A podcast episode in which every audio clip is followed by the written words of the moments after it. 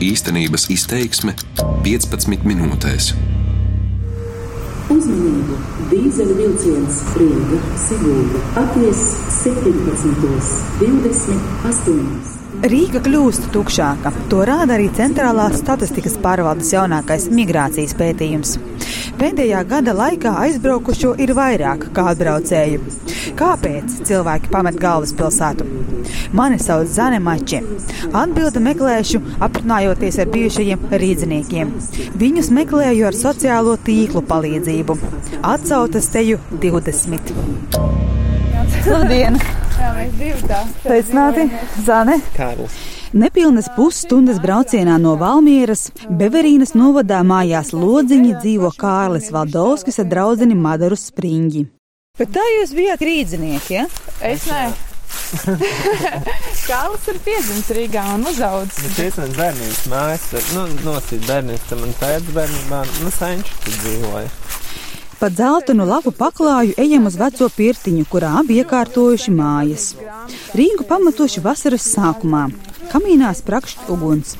Siltums uzmodinājis mušas, kuras enerģiski zum pie loga. Tieku pie kafijas. Bet tā ir zieļu kafija. Bet viņi garšo stipri līdzīgi.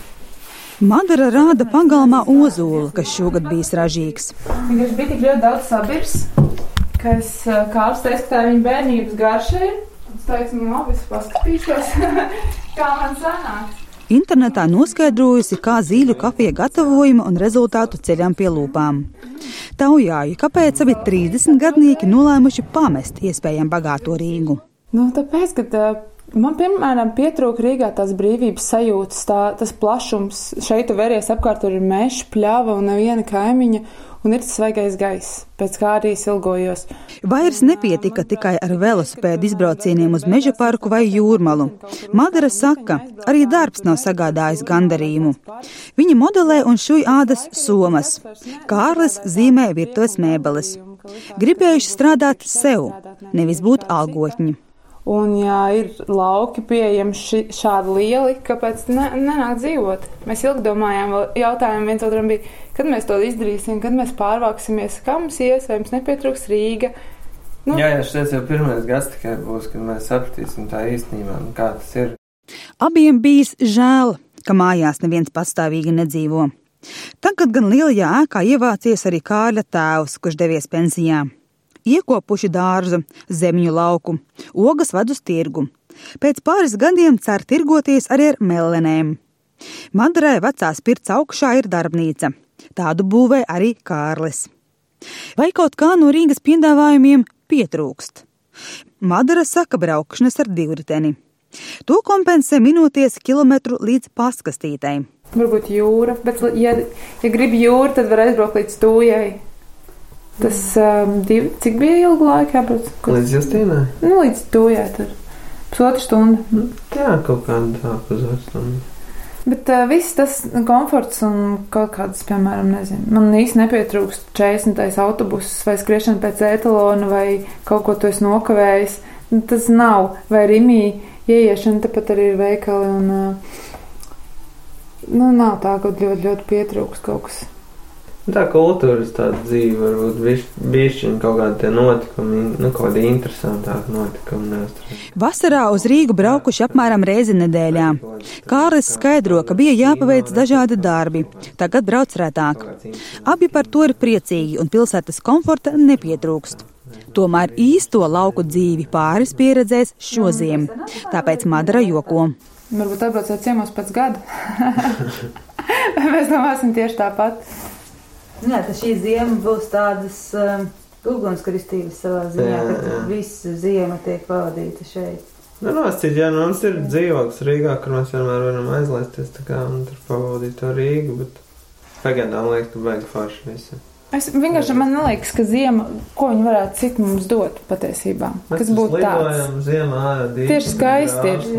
Ja tev ir malks arūpēt, tev nekas uh, cits nevarētu nodarbināt tavu prātu, ka kaut kas varētu slikti būt, sliktāk nekā jau ir vai, vai labāk. Lēmums pārcelties nav akmenī cirsts. Kārlis atvadoties pieļauj, varbūt pēc pāris gadiem atgriezīsies Rīgā. Nav jau tas, tas lēmums, jau nav tāds tur dzīves, tur apmēram, tur es tagad dzīvošu tā laugos, un tur, tur apmēram visu dzīvi dzīvo. Bet es nesaku to, ka es tagad, es arī mierīgi varētu pēc diviem gadiem aizbraukt atpakaļ uz Rīgu un dzīvot tālāk. Cilvēks ļoti ātri pierod pie visa. Ļoti, ļoti. Es vienkārši drūva, tu taču varētu pastāstīt uh, par mūsu pārcelšanos uz laukiem. Esmu sazvanījusi Sintiju un Ingu Druvas. Viņi precīzi ierakstās tipisku Rīgas pametēju portretā. Centrālās statistikas pārvaldes dati rāda, no galvaspilsētas uz laukiem biežāk pārceļas cilvēki pēc 45 gadiem. Daudz gadus atpakaļ kaut kāda ir tāda doma, ka es gribētu kaut kā dzīvot, nezinu, vairāk saskaņā ar dabas kaut kādu ritmu, vairāk atrasties ārā pie dabas, bet tas viss bija tā ļoti nenoformulēti. Nu, tā kaut kur tas ir, bet, nu, nekāda plāna nav. Inga dzimtā pusē ir mežotnē. Viņa sieva gan esot īsta pilsētniece, liepainiece. Rīgā nodzīvojuši gadus 20. Pirms trim gadiem pārcēlušies uz Taurupes pagastu ogres novadā. Jau bija sniegs, mums tā mašīna, ar ko veda mums mēbeles, tā vēl iestiga. Tur bija vesels cirks. Un tad tajā mājā bija kaut kāda, cik bija grādi, kaut pieci apmēram. Nu, tad tajos pie, piecos grādos mēs arī uzvilkām visu, uzsēdām visu un gājām gulēt. Un tā bija mūsu Uh, mūsu pirmā nakts. Ingus savulaik dzīvojas ģetrodas ielā virs trokšņaina kroga. Tomēr pārcelšanās iemesli nebija nepatika vai nogurums no pilsētas. Viņi, gluži kā manis apciemotais pirmais pāris, gribējuši dzīvot tuvāk dabai. Bet tagad man tā sajūta ir tāda, es, es, veiksim, tā, es nesaprotu to kā pilsētas vilinājumu, jo uh, nu, man liekas, ka šeit tā dzīves kvalitāte ir vienkārši nu, neslīdzināma. Nu, protams, kad es varu klausīties katru ūdens pilu, šodien, piemēram, kur mums tās mutes uzlikts, nu, kur no notekas. Tu izai ārā vienkārši tādu migliņu pilu ūdens un ir klusums. Nu, tāds pilnīgs dens. Sintienu istabas vīram sauc, ka redzējusi pie mājas viesus no meža. Un mēs pa logu redzējām aļņus, jā. Ingus atkārto sievas teikto, un smiedamies steidz atklāt kādu noslēpumu. Un sieviņa iet, iet skatīt pa mežu staigāt, un viņi sapfotografē visu tās zvēru kakas, un viņi saka, lai es to nestāstu par audio, jo tas, tas viņai esot kauns, bet man tas liekas, viņai nesot kauns, bet vēl, lai nestāst. Laukos ir arī citi dzīves prieciņas smejas ingus. Nu, vēl ir otra lieta, kā es smējos, nu, kad arī tā ģērbšanās kļūst tā diezgan vienkārša, jo, jo es šeit vienkārši varu uzlūkt džemper, salikt eh, džemperu trenūzenēs, ja. savilkt labi augstu un tā teikt, paņemt lāpstu un es esmu gatavs rokenrolam, ja. Uz Rīgu brauc reti. Abi ar sievu var strādāt attālināti. Pie pazeminātā komforta līmeņa arī pieraduši. Lielas kataklizmas bijušie pilsētnieki nav pieredzējuši. Vienu gadu gan bijusi ķībale. Atbraukuši no Ziemassvētku svinībām Rīgā un secinājuši, ka ūdens vec aizsalis. Nu, mums ir akās ūknis, bet tā vieta, kur nāk tas tā ūdens truba, iekšā mājā, tur ir diezgan švaki nosiltināts un tuvu zemē. Bet, nu, pilnīgi tādā brīnumainā kārtā izdevās ar mazo sildītāju, mazo pūtēju ventilātoriņu, kas ir izdevās viņu atkalsēt. Bet eh, tas bija tāds nedaudz stresēns pasākums.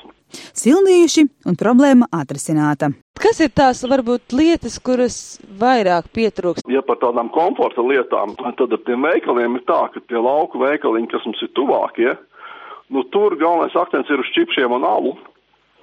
Un, teiksim, nu, tādas uh, bijušo pilsētas kundziņu lietas kā lāča maize vai kaut kāda tāda kvalitatīvāka pārtiks produkti vai mazliet, nu, kas ir tādi negluži parastie, tad tos te nevar īsti dabūt. Nu, mums ir veikals, ir tāds puslīdz, ir Madliena, tas ir 10 km.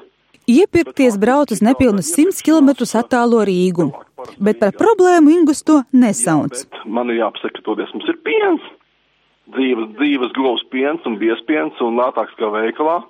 Mhm. Kaimiņiem, un, kaimiņiem, un olas, jā. Kas ir atkal, kas ir atkal brīnišķīgs pluss. Paši domājuši, ka pietrūks Rīgas kafejnīcu. Tajās mīlējuši sēnēt un dzert lātes kafiju. Bet atklājies, ka bez šiem rituāliem var iztikt. Toties gribētos vairāk sabiedrības satikties ar draugiem ir tā, ka, nu, es neteikšu, ka tā ir problēma, bet man patīk, ka mums te drusku biežāk kāds atbrauc ciemos.